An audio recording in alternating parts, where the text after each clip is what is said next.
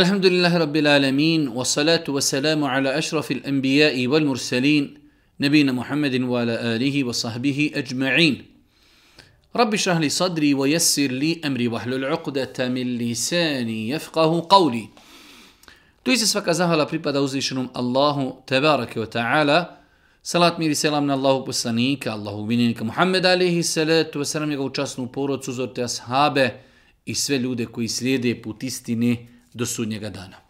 Uvaženi braću i poštovani sestre, uvaženi gledatelji, evo nas u još jednoj emisiju u kojoj se družimo sa vašim pitanjima i vašim dilemama. Ovo je naša, ako smo dobro brojali, 91. emisija. Prvo pitanje, moje pitanje se odnosi na abdest. Da li mi ispravan abdest ako sam malo, ako samo malo saperim nos? Jer imam problema sa sinusima, ako više očistim nos počne da mi teče krv i tako dalje veoma je bitno pitanja vraćati na njihove temelje.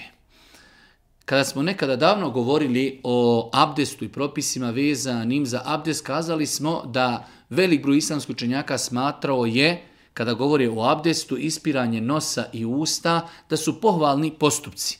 Ako znamo to da je ispiranje usta i nosa pohvalan postupak, a ne obavezujući, samim tim o, veoma lako možemo dati odgovor na ovo i slična pitanja. Ako ima neko problema sa ispiranjem usta ili nosa, ima problema sa sinusima, znači uradit će onoliko koliko može i ako Bog da njegov abdest tako uzeti je validan, čak po nekoj verziji kada čovjek ne bi nikako isprao usta ili nos, njegov, njegov abdest bi bio ispran, pogotovo ako se radi o osobi koja ostavi i izostavi e, ispiranje usta i nosa ili djelimično ispiranje usta i nosa iz određenog zdravstvenog razloga, tako da odgovor na ovo pitanje osobe koje imaju problema sa sinusima, ako baš jako e, ušmrkivaju vodu, znači nema problema da ne radi to tako jakim intenzitetom, već jednostavno samo će malo znači, isprati nos i usta i ako Bog da njihov abdest je validan.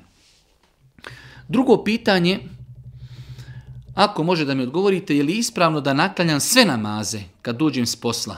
Na poslu nisam u mogućnosti, a druga smjena, kad sam dolazim oko 8 uveći. Da li je ispravno da naklanjam ostale namaze tada, jer saba namaz mogu klanjati kući?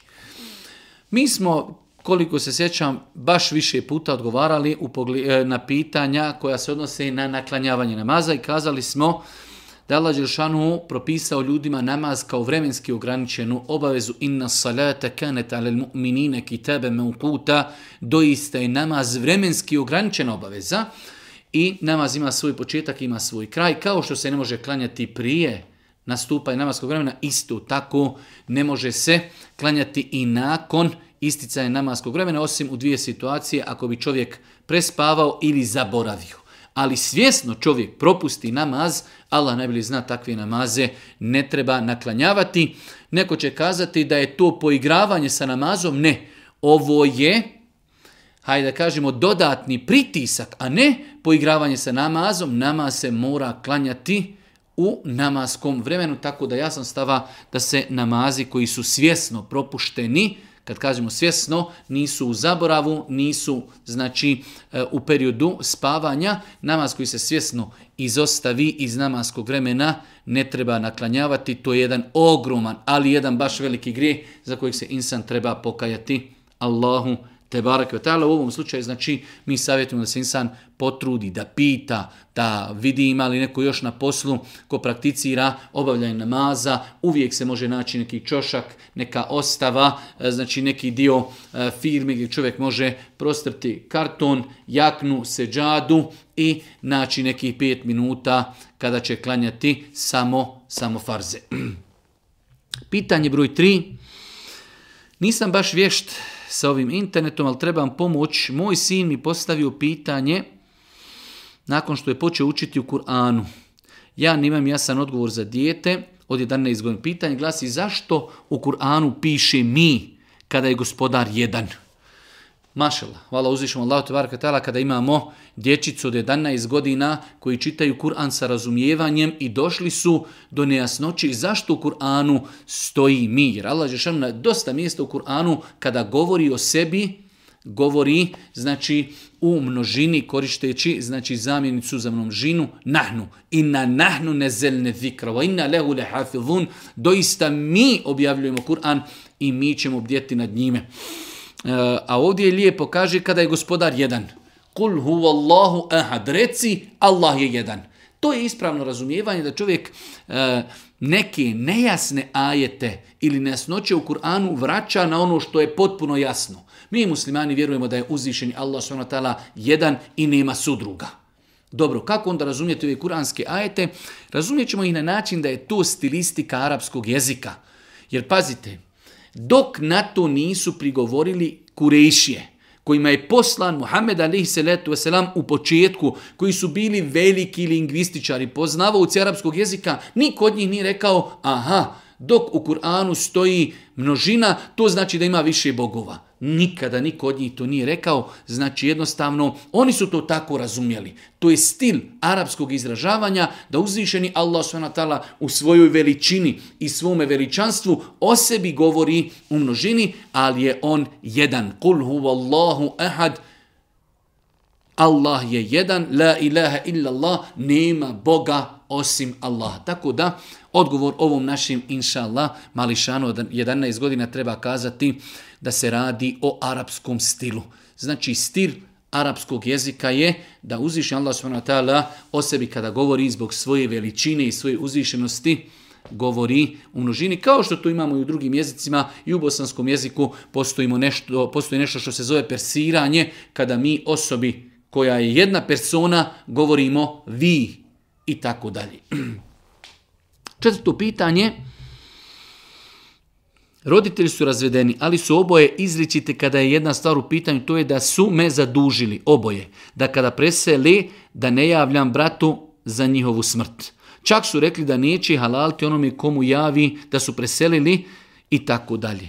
Znači roditelji imaju više djeci, s jednim djetetom su u lošim odnosima, pa su drugoj djeci ostavili vasijet, i rekli znači da neće im halaliti ako neko tom njihovom djetetu javi kada oni umri. Da li to treba ispoštovati? Allah najbolje zna ne treba ispoštovati iz razloga što islamski učenjaci kažu kada je u pitanju islamski vasijet, on je vezan za materiju i on je vezan za nešto što je dozvoljeno i halal i ibadet.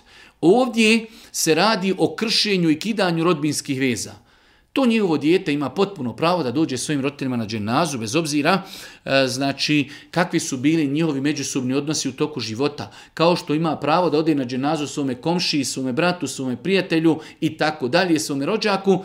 E, puno je veće pravo da ima otići na pravo na dženazu svojih roditelja. Tako da e, ne vidim na osnovu onoga što sam čitao od islamskih učenjaka u fetvama koji su sličnog karaktera, gdje su govorili da bi određena oporuka bila validna, treba da sadrži nešto što je materijalnog, znači e, materijalne prirode i da to nije nešto što se krši sa propisima islama.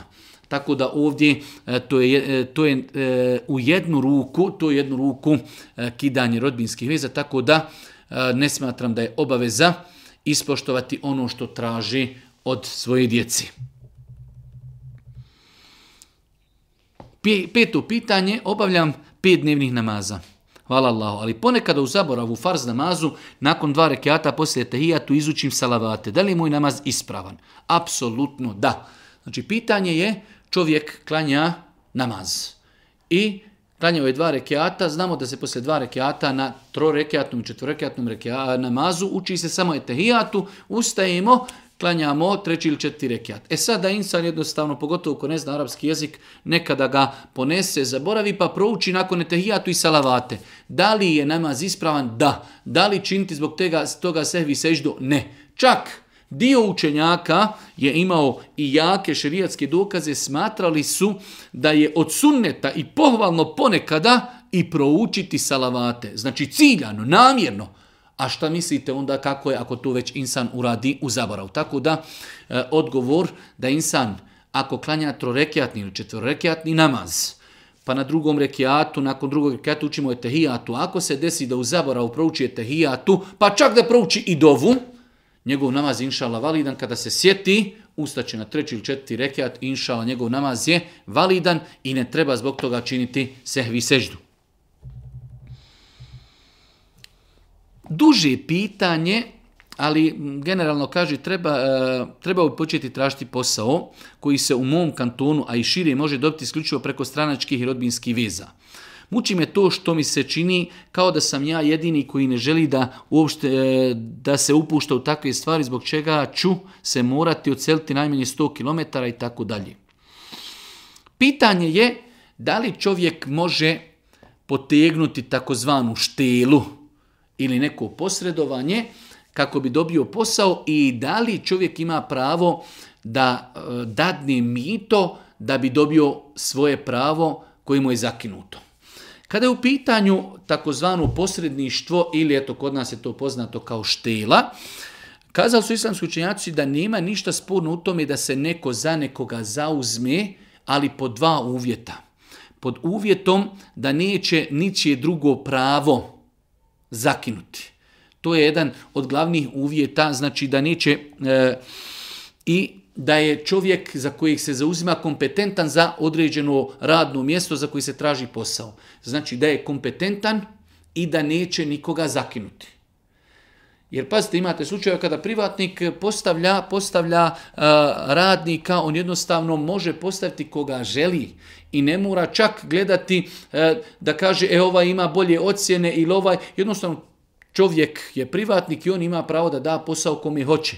Tako da u takvim slučajevima ako postoji neko ko će se kod određenog e, e, vlasnika firme ili poslodavca zauzeti za neko kaže e ovog momka ja znam, kompetentan je, možete li mu dati posao u islamu, u islamu to nije ako Bog da sporno, ali da se ne zakine ničije pravo. Ako bi se objavio konkurs i traži se, e, primjer radi, e, najkompetentnija i najbolja osoba i da onda preko štile proguramo neko ko ne zaslužuje, to je zabranjeno. To je jedna stvar. Drugo e, pitanje je da li je dozvoljeno islamu dati mito da bi ostvarili svoja prava. Pa su kazali islamski učenjaci generalno mito je haram i onome ko daje i onome ko uzima. Ali ako bi insan, ovo je bitna klauzula, ako bi mu neko nanio zulum ili ako bi se borio za svoje pravo, ako zna da će ga neko zakinuti ili se bori za svoje pravo, dozvoljeno je njemu da da mito, grijehe onom kuzima, nije grijeh onom je daje. Ali ovdje ako znamo Imate nekada slučajeve gdje ljudi konkurišu, ne zna se ko je najkompetentniji, ne zna se ko je najbolji, ali kaj za svaki slučaj ja ću dati mi i to da mene... E, u takvoj situaciji nije dozvoljeno. Već govorimo o slučaju kada znamo da ćemo biti zakinuti i kada, znači, e, se čuvamo tuđeg zla. Čuvamo se tuđeg zla i e, tražimo svoje pravo kada smo zakinuti tada je dozvoljeno. Zato se treba paziti, nekada ljudi olako shvate ovo pitanje, ma može se dati, možda ima deset ljudi koji su konkurisali i pet od njih je bolji od tebe, ali ti si dao mito kao idem ja tražim svoje pravo i onda prođeš preko tih pet ljudi, tada je insan zakinut takve ljude. Tako da e, insan kada bi bio siguran da je zakinut, ili da se čuva tuđeg zla na način da će dati mito, u tim slučajevima je dozvoljeno to da uradi, svjestan da to što radi je u islamu zabrajno, ali daje kao vid nužde, onaj ko uzima njemu je haram, a onome kome daje nije haram. Da li je ženi koja nosi hijab dozvoljeno da skida mahramu pred muškom djecom koja širijetski nisu punoljetna? Jedno interesantno pitanje, E, da li je ženi dozvoljeno koja je inače pokrivena da ne nosi mahramu pred djecu koja nisu punoljetna. Kazali su islamski učenjaci da djeca se mogu podijeliti u nekoliko kategorija kada je u pitanju e, njihova godišnja dob. Znači imamo dječicu koja su jednostavno ne, ne razaznaju stvari. Imate dijete godina dvije pa i tri godine jednostavno dijete ne razaznaje šta je avret, šta nije avret e, i ko je lijep, ko nije lijep. To djeca više u tim godinama ne znaju ništa. Imamo djecu koja su punoljetna i koja su blizu punoljetstva. U islamu dijete može biti znači i u 13. godini punoljetno, i 14. godini punoljetno, i 15. godini punoljetno, pogotovo u savremenom dobu kada se doista mnogo, mnogo truda ulaži na raspuhivanju e, strasti, tako da već i djeca od 12. godine, od 13. godine, 14. godine, pa i od 10. godine djeca i kako znaju, e, znaju šta je intima, znaju šta je ljepota, znaju šta je kosa, znaju mnogo, mnogo toga kroz život, kroz školu, kroz internet, kroz serije, kroz filmove i tako dalje. Tako da, moj savjet je našim sestrama, ostaje ta, znači, neka, neki period u nekoj godini od nekih 4-5 e, pa negdje do 10 godina ili možda 9 godina, da li pred takvom dječicom žena smije da ne nosi mahramu, Allah najbolje zna, mislim da smije. Ali generalno bolje je da žena iz predostrožnosti i pred dječicom već nakon 6, 7, 8 godina i da pred takvom dječicom nosi mahramu, Allah najbolje zna, ne kažem da je obaveza, ali u današnje vrijeme znači definitivno kroz mnogo slučajeva, kroz mnogo e-mailova, kroz mnogo poručnih problema vidimo da djeca mnogo, mnogo ranije sazrijevaju nego što je to bilo stanje u nekadašnjim prijašnjim vremenima. Da li je dozvoljeno da se klanja u cipelama, patikama, ako se nalazimo na polju u parku, negdje u hodniku, zgrade i tako dalje. Dopušteno je klanjati u obući pod uvjetom da smo sigurni da našoj obući nema nečistoći. Veoma je rijetko danas znači e, da čovjek ima na obući nečistoći, ali treba taj uvjet spomenuti jer Boži poslanik jedne prilike je počeo klanjati pa mu je Džibril Ali selam došao u toku namaza i naredio, naredio mu je da skine svoje mestve, svoju obuću, pa je on tu namazu skinuo a pa kada su ga upitali ashabi poslije zašto je tu radio, kaže došao mi je Džibril, obavijestio me da na mojoj obući ima nečistoći. Tako da čovjek treba, znači kada nastupi namaz, želi da klanja, pogledati samo u svoje cipele, ako vidi da nema ništa, ne treba to sad nešto žestoko istraživati, pogledati dovoljno ako vide su cipele ili patike čiste, u njima može klanjati čak dio učenjaka je smatrao da čovjek ako je već na polju, da je od i lijepo i pohvalno da se klanja u obući. Esselamu alaikum, je li problem ukoliko mi odjeća miriše na omekšivač i deterđent? Žensko sam i ne koristim nikakve parfeme niti dezodoranse sa mirisom, ali nisam sigurna je li problematično nositi odjeću koja miriši na omekšivač. Postoji jedno veliko pravilo u islamu koje kaže el hukmu taduru ma'al illati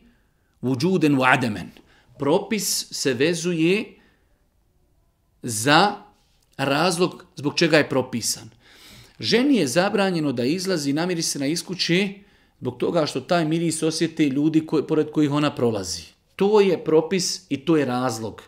Zabrajem da izađe namirisana, zbog toga što kada prođe pored ljudi, on osjeti njen miris i to je njima izazov. E sada, razlika je u deterđentima i razlika u mekšivačima. Ako taj omekšivač je toliko jak i toliko da kažemo, ne znam ili kvalitetan, ne kvalitetan, ali da osoba koja koristi odjeću poslije toga, da doista kada prođe pored ljudi, oni čuje, čuju miris, onda je to zabranjeno koristiti u ovakvim slučajima. Ni to zabranjeno koristi, žena da koristi e, za, ne znam, jastušnice, za ovo, za ono i tako dalje. Ali za odjeću koju ona nosi, ako se čuje taj miris, kada ona prolazi pored osoba, onda to uzima isti propis kao propis dezodoransa ili kao propis mirisa. Propis se sada više vraća na svakog pojedinačno tu procjeni.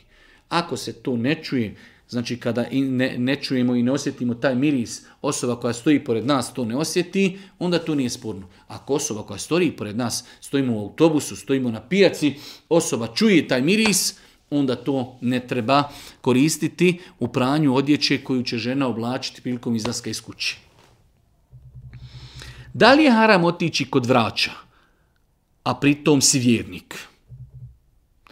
Da li je haram? Da, haram i to veliki haram.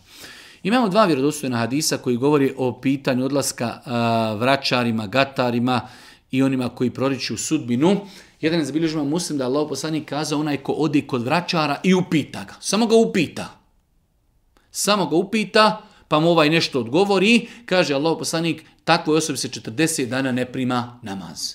Znači, čovjek otišao kod gatara, kod vraćara i svi oni drugi koji prodiču sudbinu na bilo koji način, dlan, filđan, grah i ostalo, znači sve je to zabranjeno. Odlazak i pitanje, samo pita, ne vjerujemo. 40 dana mora klanjati, mora klanjati, a namaz se ne primaju kod Allaha.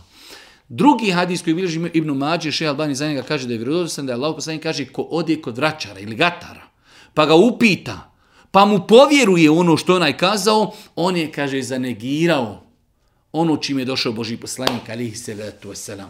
Tako da, strogo je u islamu zabranjeno otići kod vračara i pitati ga kode i pita ga samo, njemu se namaz ne 40 dana, jasno je to Boži poslanik kazao u hadisu koji muslim, a onaj koga pita i povjeruje, kaže, ta je zanijekao ono čime je došao Muhammed, alihi salatu sram, na osnovu ovi, ova dva vjerodostojna hadisa, jasno kažemo da je zabrajno, strogo zabrajno, znači, e, ići kod vraćara, gatara, oni koji proriču e, budućnost i sudbine, u sve to Allah najbolje zna potpada i to sve obuhvata čitanje današnjih horoskopa. Jel možete pojasniti da li je ispravno potirati preko čarapa za sabah namaz? Pošto ja uzimam abdes na poslu za sabah namaz.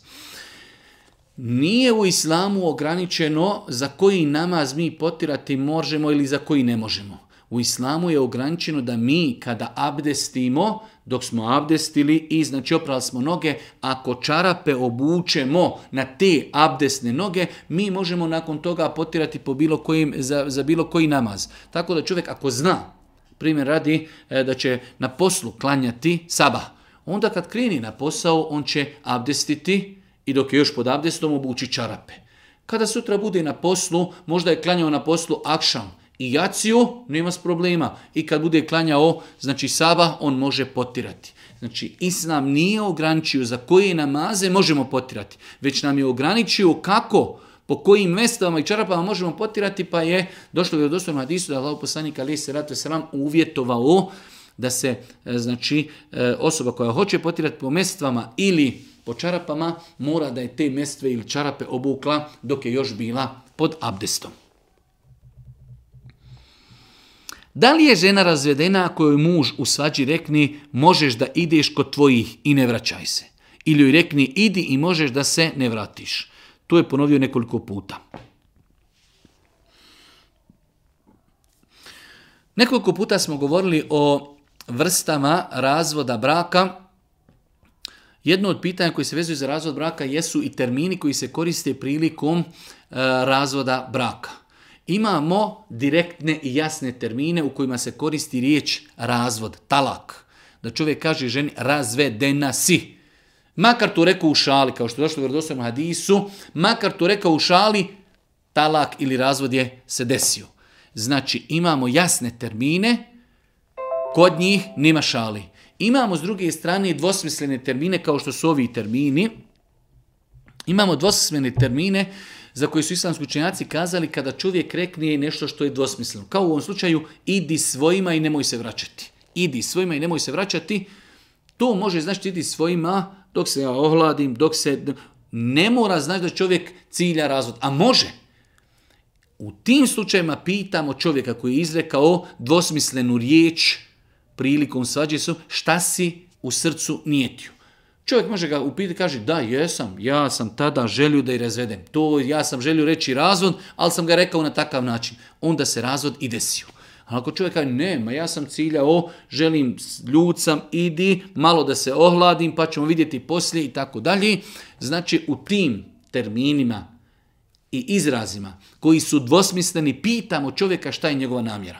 Ako kaže bila mi je namjera razvod, onda je razvod pao. Ako kaže nisam namjeravao razvod, onda razvod i nije se desio.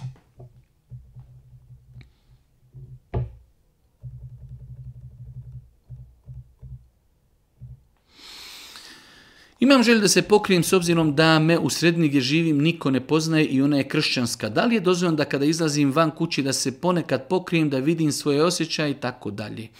U svakom slučaju pitanje žena koja ne nosi hijab, pita da li ona u početku može da nekad obuče hijab, nekad da ne obuče.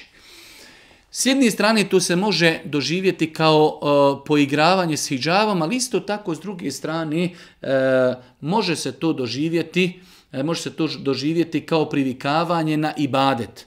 Imate ljudi koji počnu klanjati saba, ne klanja ostale namaze. Hoćemo li u insanu kazati ne, ne, mo ne možeš da klanjaš samo saba, moraš klanjati pet vakata. Isto je pitanje sa mahramom.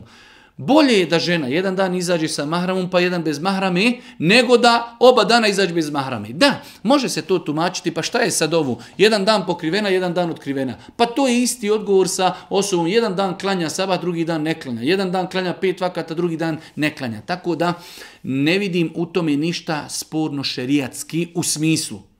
Definitivno nenošenje hijjaba je haram ali ako žena kaže, lakše bi mi bilo da jednom obučem mahramu pa da vidim kako, ću, kako će svijet reagirati, kako ću se osjećati i tako dalje, e, ne vidim ništa u tome sporno, u svemu tome da je sporno da žena bude generalno otkrivena. Ali e, bolje što bi rekao naš narod šareno nego crno. Bolje da jednom iziđe pokrivena, jednom otkrivena, nego da iziđe oba puta otkrivena. Allah najbolji zna.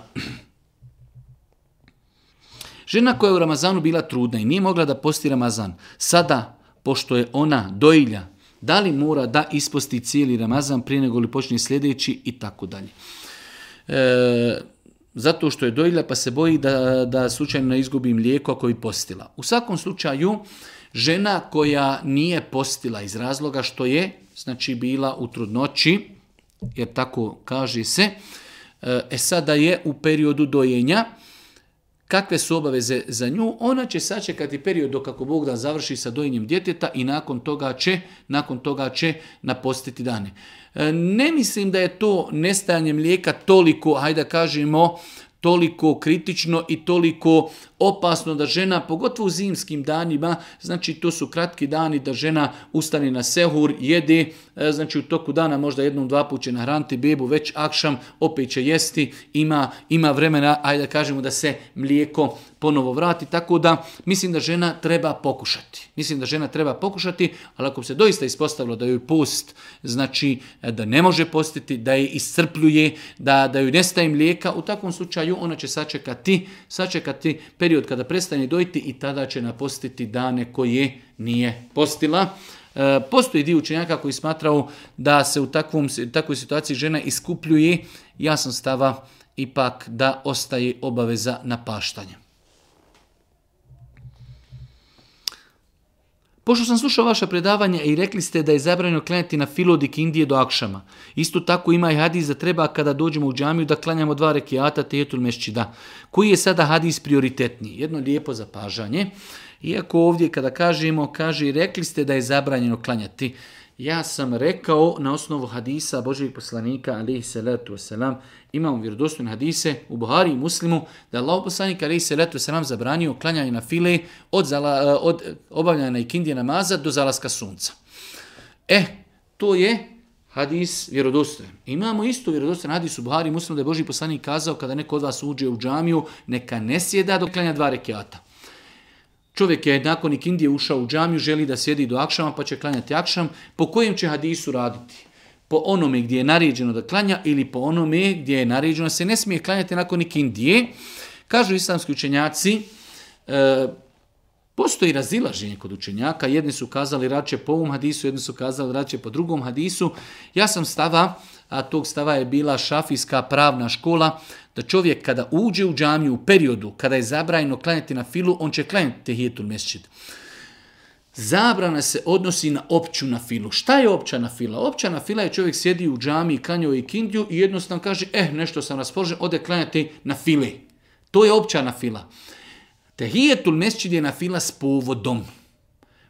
Boži poslanik kaže, kada uđete u džamiju, nemojte sjedati dok ne klanjate dva rekiata. Nije rekao, ali ako je zabrana, nemojte, ne, općenito. Kada god uđete u džamiju, imate razlog zbog koji klanjate. Vi klanjate s razlogom. Kad god ima razlog, ja ću i klanjati. Tako da smatramo u ovakvoj situaciji da je prioritetnije da se klanja. S tim što treba razumjeti da džumhur učenjaka je smatrao da tada ne treba klanjati, tako da ako bi neko reagirao, ako neko pitao, da čovjek kaže u redu, Allah te nagradio, razumijem ja vas, vi praktikujete da ne klanjate zato što je to vrijeme u kojem se ne klanja na fila, ja klanjam, smatram da je ovo na fila s povodom, nije, za, nije dozvoljeno klanjati na filu opću u tom periodu, a vi svakako imate pravo da odabirite sve mišljenje, ja sam stava da se u tom periodu od ikindije do akšama, ako se uđe u džamiju, može se klanjati tehijetul mesđidu. Da li je ispravno reći elhamdulillah ili alhamdulillah? Imamo i takvih sitnih pitanja i jednostavni, ali eto, moramo odgovoriti na ta pitanja. I jedno i drugo je ispravno. I elhamdulillah i alhamdulillah, to je znači više razilaženje u pogledu kako se fetha čita u arapskom jeziku, da li je to e ili je a, meni lično u kontekstu i u duhu našeg jezika prirodnije je kazati elhamdulillah i kada učimo u fatihi ne kažemo alhamdulillahi rabbil alemin, već kažemo elhamdulillah. Pa ako već hoćemo da pravimo transkripciju, transkripciju ćemo praviti onako kako smo izgovorili. Na bosanskom jeziku je to e. Možda u engleskom se kaže a, ali kod nas u bosanskom jeziku je e. Ovdje ova sestra ili brat navodi kaže ja sam od malih nogu naučena na prvu ali u posljednje vrijeme, kaže, e, ispravljaju me ljudi u pogledu toga. Mislim da ne trebamo jedni druge ispravljati na takvim sitnicama, kamo sreće da ispravljamo jedni druge na krupnim stvarima, na, na alkoholu, na kladioncama, na drogi, na mitu, na korupciji, na filmovima, na serijama i ostalim šeitanlukama, šeitanlucima. Znači, mi nekoga ispravljamo, ako je neko rekao elhamdulillah, da mu kažemo nemoj elhamdulillah, vići alhamdulillah. Mislim da je to bespotrebno cijepidlačenje. Čovjek po meni je bliže i ispravnije kazati alhamdulillah, a ili alhamdulillah ispravno, kako govori naša braća pakistanci, indijici, englezi, alhamdulillah, alhamdulillah, srže da želimo da se zahvalimo Allahu te Koji su propisi žene kada ide na meza? Da li je obaveza imati abdest? E, postoji jako razilaženje da li je ženi dozvoljeno da ide na mezarluke, da obilazi e, mrtve. E, ja sam stava da je dozvoljeno, i to potvrđuje više vjerodostojnih hadisa, e, sam hadis je Boži poslanik ali nam kaže bio sam vam zabranio obilaske mezarluka, sada vam ih dozvoljavam, fezuruha, posjećujte ih. Hadis je općeniti muškarcima i ženama, tako da nema smetnje da žena ide na mezaluke, svakako da pazi kako će se ponašati, žene su emotivne, znači da ne daj Bože ne dođi e, do naricanja, do e, prekomjernog plaka. Može žena pustiti suzu, plaće, žao joj majke, oca, brata i tako dalje, ali da ne vrišti, da ne krišti, da ne čupa kosu, da ne čupa odjeću, to je ono što je strogo zabranjeno. Da li treba imati abdest? Abdest se uzima kada se klanja namaz. Tako da e, nije uvjet. Ako će žena prolaziti pored mezarluka, pa će otići u džamiju klanjati, onda nek ima abdest zbog namaza, a ne zbog obilaska mezarluka. Znači, e, odgovor je žena može posjećivati mezarluke, treba paziti kako se ponaša, a nije zato uvjet da bude pod abdestom. 19. pitanje. E, ima jedno pitanje vezano za namaz putnika, odnosno skraćivanje namaza. Obzirom da ima više mišljenja vezano za udaljenost od kući, kakvog ste vi stava? I molim vas da odgovorite da li je ispravno potirati po čarapama vunenim prilikom uzimanja abdesta. Dva pitanja u jednom pitanju. E, postoji jako razilaženje kod učenjaka kada je u pitanju preciziranje na kojem putovanju čovjek može koristiti olakšice putovanja, odnosno šta je to putovanje koje u islamu dopušta čovjeku da skrati namaz, da spaja namaze, da potiri e, tri dana po mestvama, da ne posti i tako dalje. E, ne postoje jasni argumenti, niti u Kur'anu, niti sunetu, da je rečeno, e, eh, ko putuje toliko, nek skrati. Ko ne putuje, ne smije skratiti. Već su islamski učenjaci na osnovu određenih, hajde da kažemo, indirektnih argumenta pokušali e, da preciziraju to pitanje. Allah najbolje zna, pošto nema jasno preciziranog e, dokaza koji to jasno precizira, to pitanje dio učenjaka je ostavio, prepustio običaju. Običaj, znači, kada ljudi u jednom narodu i društvu, prija, dok nije bilo auta, kada kaže iz grada u grad je daleko 10 ili 15 km, je to put? Ma nije put, idemo malo da ih posjetimo, da se vratimo. Većina učenjaka je to, da kažemo, pokušala precizirati i definisati, to je negdje od 80 do 88 km. Slično je to otprilike i sa onima koji su to vratili na urfi na običaj. Niko ne smatra da je putovanje 30-40 km. Da, to jest idem, ali put, putovanje, sefer, da čovjek zaista kaže ja sam putovao. Otići, znači sad iz Sarajeva otići do Ilijaša, otići do, do Visokog, to je otići na kahvu i vratiti se. To nije nikakvo putovanje. Nikako. Tako da, e, šehu Lisna Islam ibn je, je to pitanje ostavio da se vezuje za urf, a šehu Semi Rahmetullah Jalihi kaže e, precizirati udaljenost je stav džumhura i to je lakše za praktikovati. Lakše je reći ljudima preko 80 i to je to. A bliže je, kaže, dokazima mišljenje da to nije ograničeno. Allah najbolje zna tako da e, putovanje na kojem čovjek može krati namaz nije precizirano ali se ne treba sa tim poigravati, znači možda da čovjek koji kilometar manji od 80 ako bi putovao, da on može koristiti olakšice putovanja, ali da čovjek putuje 30-40 km, kaže nije to šerijat ograničio, to nikada niko nije kazao da je putovanje. Tako da, ja sam stava da to nije ograničeno, ali da je to izuzetno blizu one ajde da kažemo, granice koji su postavili učenjaci, koji su željeli da to olakšaju ljudima i da im preciziraju od 80 do 88 km. Da li je dozvoljeno potirati po vunim čorap, čarapama? Apsolutno da. Da li je dozvoljeno potirati po vunenim čarapama? To su znači debele čarape e, pod uvjetom da se čarape obuku na abdesne noge. Šta znači abdesne noge? Da čovjek abdesti, operi noge i dok je još pod abdestom, da obuče čarape. 20. pitanje.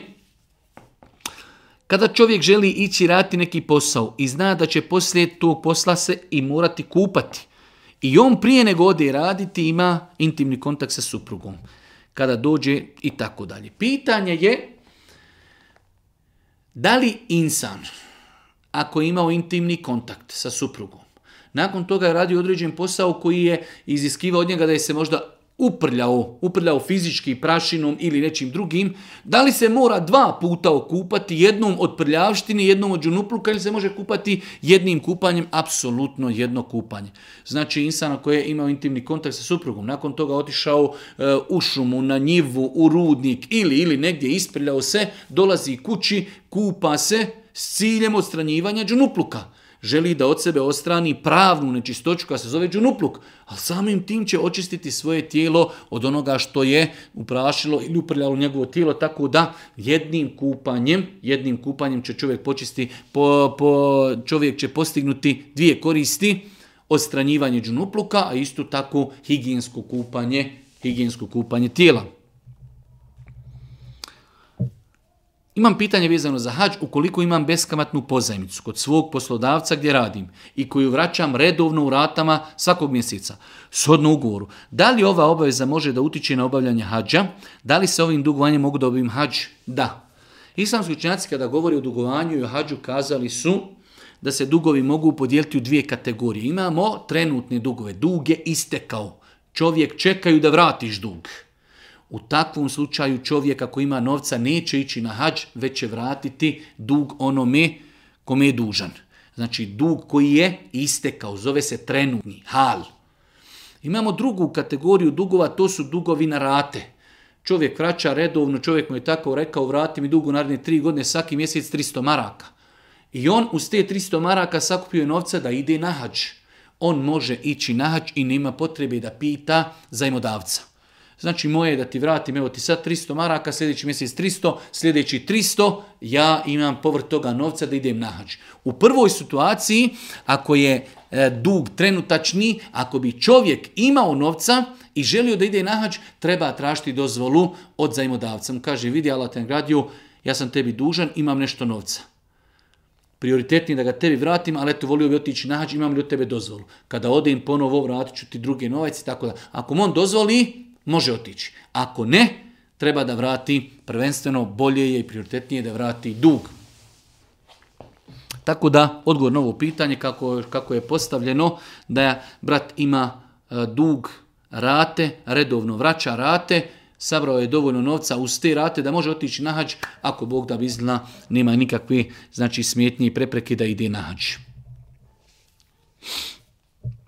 Prva sam godina fakulteta, roditelji su mi kupili auto i putujem. Sinovac sam sanja, sanjala kako sam u autu našla sihr u faru koji se pali u autu. Ja sam taj sihr, otv...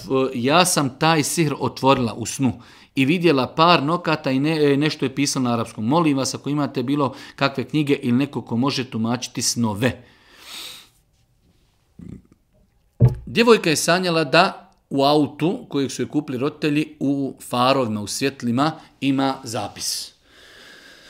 E, da li to treba tumačiti? Generalno, tumačenje snova se ne tumači na osnovu knjiga i to je razlog čega sam ja želio da odgovorim na ovo pitanje. Ja lično ne znam tumačiti snove, tako da mnogo, baš mnogo pitanja stiže na naš e-mail gdje ljudi traži tumačenje snova. Ja ne znam tumačiti snove. Tumačenje snova je dar od uzvišnog Allaha. Čovjek može pročitati sto knjiga o tumačenju snova i da ne zna tumačiti snove.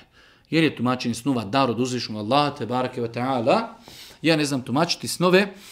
Ne treba se previše opterećavati time čovjek nešto vidi u snu, daj da protumačim šta ću i tako dalje. Može insan, ako je već negdje vidio u snu da mu je napravio neki svijet, da odi da to pogleda. Ako nađe, dobro i je će to i mirna Bosna. Ako ne nađe, zaboravit će na taj san i ne treba se mnogo opterećavati značenjima snova. Danas živimo u vremenu kada ljudi izuzetno, ali baš izuzetno mnogo pašnje posvećuju e, snovima i značenju snova, iako je s druge strane izuzetno, ali baš izuzetno malo ljudi koji ispravno tumače snove, tako da ljudi ne treba da se opterećavaju značenjima snova, pogotovo što znamo Kod nas ljudi očekuju, danas sam nešto sanjao, sutra će mi se e, realizirati ono što sam sanjao. Jusuf Ali Selatu Selam kao mali dječak je sanjao san koji mu je se ostvario tek u poznoj starosti. Tako da realizacija snova ne mora značiti da se će se realizirati odmah sutra dan.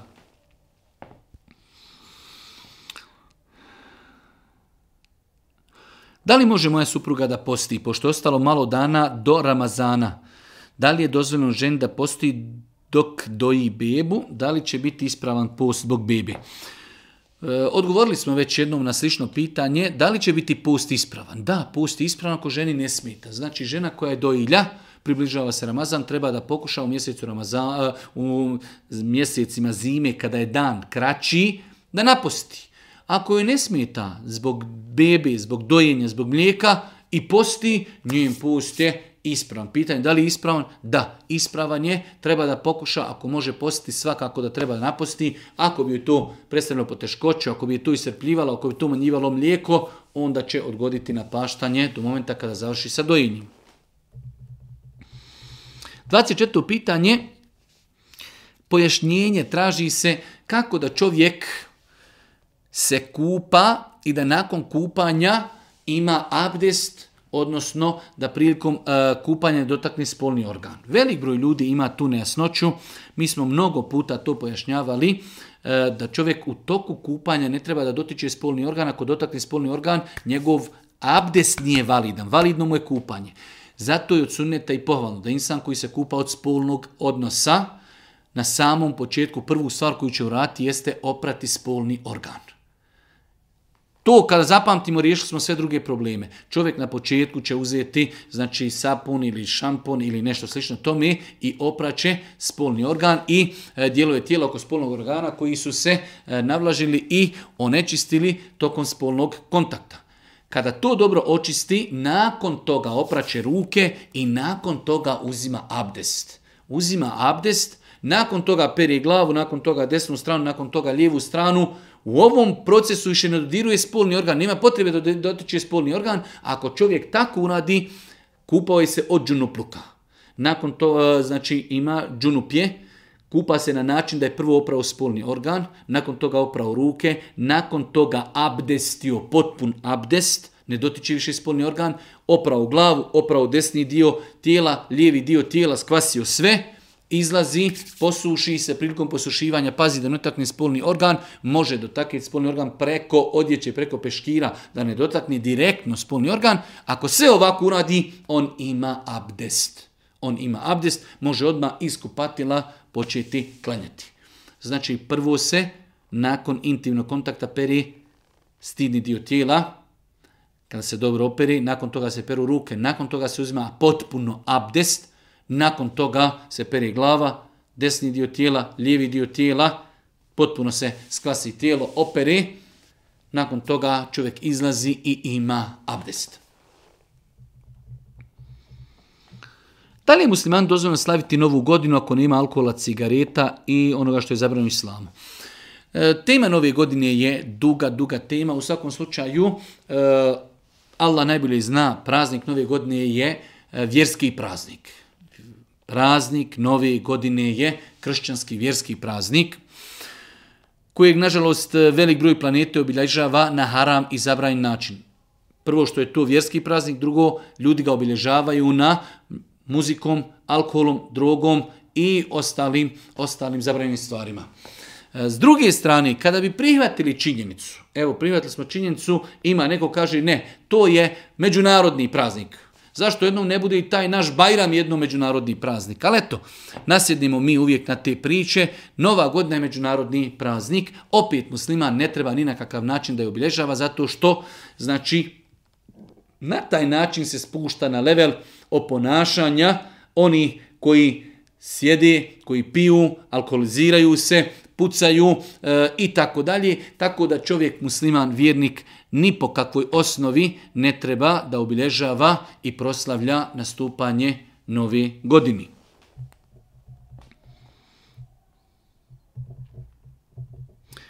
Živim u toj i toj državi izvan Bosni.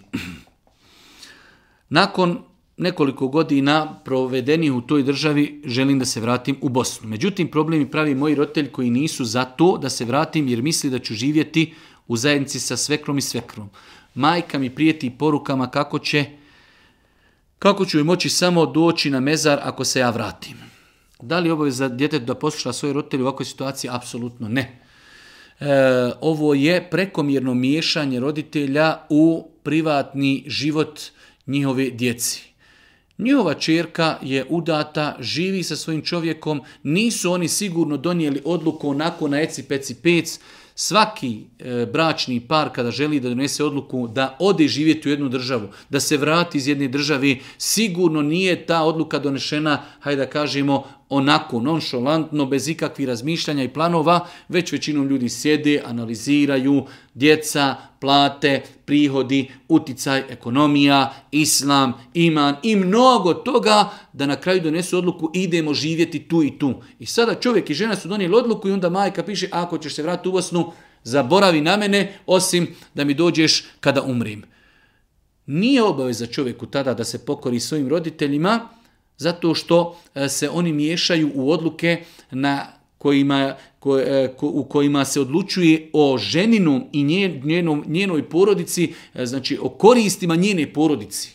Tako da pokušat će žena pojasniti razloge zašto dolazi, pokušat će na lijep i blag način da, da to oni shvate. Ako razumiju, razumiju, ako ne razumiju, ne može čovjek uzeti, znači, ne daj Bože, pištu ljubice zbog toga što oni ne žele prihvatiti njegovu odluku čovjek treba da e, se konsultuje sa e, čovjek i supruga se konsultuju kada je u pitanju donošenje odluke, ako donesu odluku da li će to roditelji podržati ili ne, treba im pojasniti ako prihvati dobro jest, ako ne prihvati čovjek će raditi e, po onome zašta misli da je u tome korist njemu, njegovoj supruzi, njegovoj djeci i njegovoj budućnosti, dualuku i ahiretu.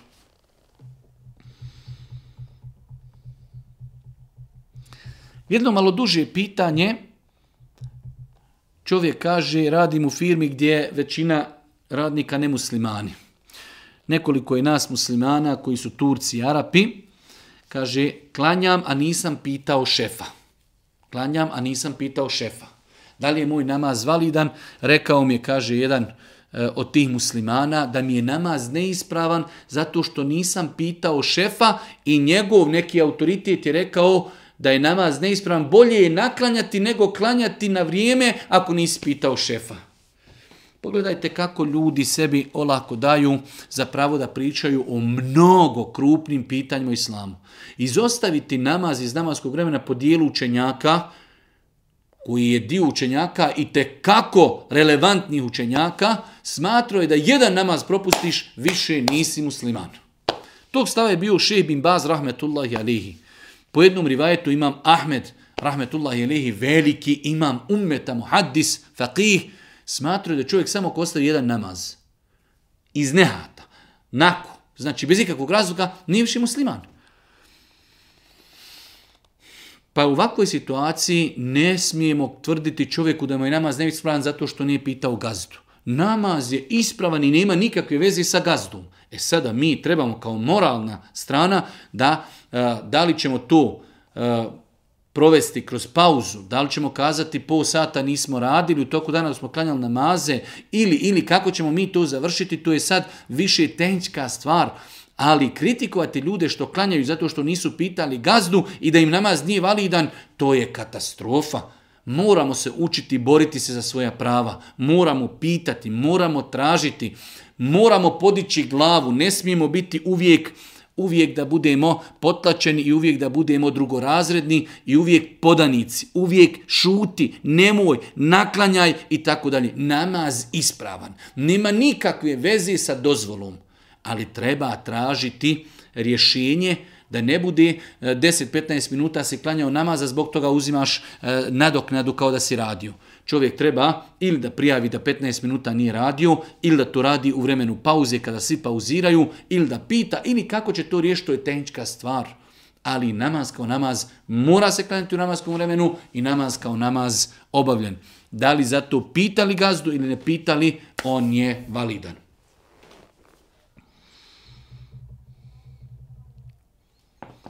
Da li je ženama dozvoljno često obilaziti kaburove? i dalje i dalje je dozvoljeno voditi djecu e, prilikom posjete mezarli, mezarlucima. Generalno, mi smo rekli, preferirali, preferirali mišljenje da je ženama dozvoljno da posjećuju mezarluke i koliko se sjećam da je to stav Hanefijskog mezheba, s tim što ne treba doista da to bude često, jer su učenjaci znači, postavili jednu klauzulu da ne bude često, a što se tiče da se dovedu djeca, nema inšala nikakve smetnje ako su to djeca koja razumiju, koja razumiju odlazak, e, kako ne bi, ne daj Bože, napravili kontraefekat i kod djeci napravili traumu, traume, pošto u većini slučajeva djeca e, četvrti, peti, šesti, sedmi godine imaju traume mezarluci, ustaće mejito, živjeće i u većini slučajeva djeci je strah mezarluka, ali ako su to djeca od 10 godina, 12 godina, 15 godina, da im kažem, je ovdje ukopan vaš djed, ovdje vam ukopava nana, ovo vam je dajđa, ovo vam je amidža, ovo vam je tetka, znači da djeca znaju da sutra mogu doći, proučiti dovu za e, svoju rodbinu, sve to u redu. Ali znači nema smetnje povesti djecu, ali djecu koja razumiju šta je cilj odlaska na mezarluke. Da li je žena dužna buditi muža na saba i da li je griješna koga ne probudi? Ovo je opet jedno pitanje u pogledu kojeg postoji E, razilaženja koja su opet zasnovana na nekim drugim pitanjima, ali generalno e, s aspekta pravnog dio učenjaka je smatrao da je ženi obaveza. I mužu je obaveza probudi ženu kako čovjek može, ustao sam, klanjam i radim najveći ibadet pred Allahom i vidim osobu koja spava i ako ja ne probudim, ako legnem spavati, ona će prespavati namaz. Tako da e, s neke moralni bratski strani, e, porodični strani da žena probudi svog muža, da muž probudi svoju ženu, e, do te mjeri da je bio dio učenjaka koji je smatrao da je čovjeku obaveza da probudi drugu osobu na namaz. To govorimo generalno, mogu tu biti neki vanjski faktori i druga pitanja koja sada ne bi pojašnjavali. Možete li odgovoriti pitanje vezano za tetovažu, može li se abdest uzeti preko tetovaži ili abdest validan? Inšala bizna jeste. Jer ako bi rekli da je e, abdest preko tetovaže nije validan, time pada mu jedan veliki problem. Tetovaža u osnovi nema svoju masu. Tetovaža je bojenje koži čovjekovi. Znači voda dolazi do same koži. Ta koža ona je obojena, ali dolazi, dolazi koža, dolazi voda do koži. Tako da ako se već desilo, znači tetoviranje u islamu je haram, strogo zabranjeno, jedan od velikih grijeha Božji poslanik je prokleo i osobu koju tetoviraju i onoga koga tetovira. Obje te osobe su proklijete. Ali čovjek već uradio taj grijeh. Hoće da se pokaje i hoće da abdesti. Ima tetovažu na dijelu tijela koji se peri prilikom abdesta. Da mu je abdest ispravan? Inšala, bizna takav abdest je validan. dan insan treba da se pokaju takvog grijeha i njegov namaz, inšala i abdesti, namaz su validni ispravni. 31. pitanje. Može li se uzeti, gusul uzeti, a da se cijela kosa ne kvasi? Ako je u pitanju skroz duga kosa. Čitala sam da je moguće u toj situaciji samo potrati kosu da voda dođe do tjemena i tako dalje. E, vjerovatno je neko pomiješao dva pitanja i žena kada se kupa, bez obzira koliko dugu kosu ima, mora je oprati i skvasiti. Ako se radi o kosi koja nije u pletenici. Jedina olakšica jeste da je Boži poslanik dozvolio ženi koja ima kosu, spletenu u pletenici, da ne mora otpletati pletenicu, već treba uzeti vode i nakvasiti toliko da voda dođe do tjemena. A pletenicu će uzeti i oprati. Koliko mi je poznato, to možda u arapskom, jezi, e, arapskom podneblju jeste olakšica, za razliku od naših podneblja gdje imamo zime, gdje imamo vjetrove, gdje imamo hladnoću, e, znači nakvasiti samo tijeme, ne rasplitati kosu, mnogo je po meni teži nego okupati se, oprati svu kosu i nakon toga se znači fenom isušiti. Mislim da je to mnogo, mnogo veća olakšica, ali u svakom slučaju, znači e, žene kada se kupaju moraju oprati kosu kompletnu, kao što moraju oplati cijelo tijelo. Ako je ženi kosa opletena u pletenici, ne mora je raspletati, već treba uzeti vode i nakvasiti tjeme. Mora doći, znači da voda dođe do tjeme na, na cijeloj glavi, a pletenicu će oprati samo, znači, onako njenu vanštinu. Ako joj je to olašica, ona tako može uraditi. Ako joj to nije olašica, onda žena mora oprati kosu popuno. Predposljednje pitanje, Pitanje je, jedna žena je napisala malo duže pitanje u kojem spominje da je krenula da živi u Njemačkoj pa je ponijela sliku od svoje djece. Pa je pitanje da li može te slike od svoje djece staviti na, na, na zid. Eh, ako su u pitanju slike živih bića, bez obzira da li se to radilo o djeci, roditeljima, prijateljima, našim ličnim slikama, slika prijesjednika ili ili bilo čija slika živog bića, takve slike nije dozvoljeno stavljati na zid, bez obzira da li su to osobe koje su nama drage ili rodbina, prijatelji, nije dozvoljeno islamu da čovjek slike živih bića kači na zidove. I zadnje pitanje, koliko je tačno da žena ako preseli u momentu dok je u mjesečnici, da će ona kao takva ići u džehennem. Netačna konstatacija, žena u periodu mjesečnici e, nije nečista s aspekta, aspekta fizičkog, ona je čista. S druge strane, hajz i mjesečnica je nešto što insan ne može kontrolirati veliki tobe arabi zulum i nepravda je bilo, kaže se osobi, ti ne možeš kontrolirati mjesečnicu, ali ako umriješ u mjesečnicu ti ideš u džehennem. Čovjek, znači, žena možda klanjala 60 godina i potrefi je dobila mjesečnicu, umri u toj mjesečnici i ode kao u džehennem. Nelogično, apsolutno nelogično, tako da ne postoji nikakav dokaz koji utječe na to gdje će žena u džennet ili džehennem samo zbog toga što je bila u periodu mjesečnice kada je umirala. Allah te barakatela molimo da nam podari dobro dunjalka i ahireta, da nam podari korisno znanje i na kraju subhanike Allahumma ve bihamdike, šedun la ilan stakviruke vojetubu tubu i lejk.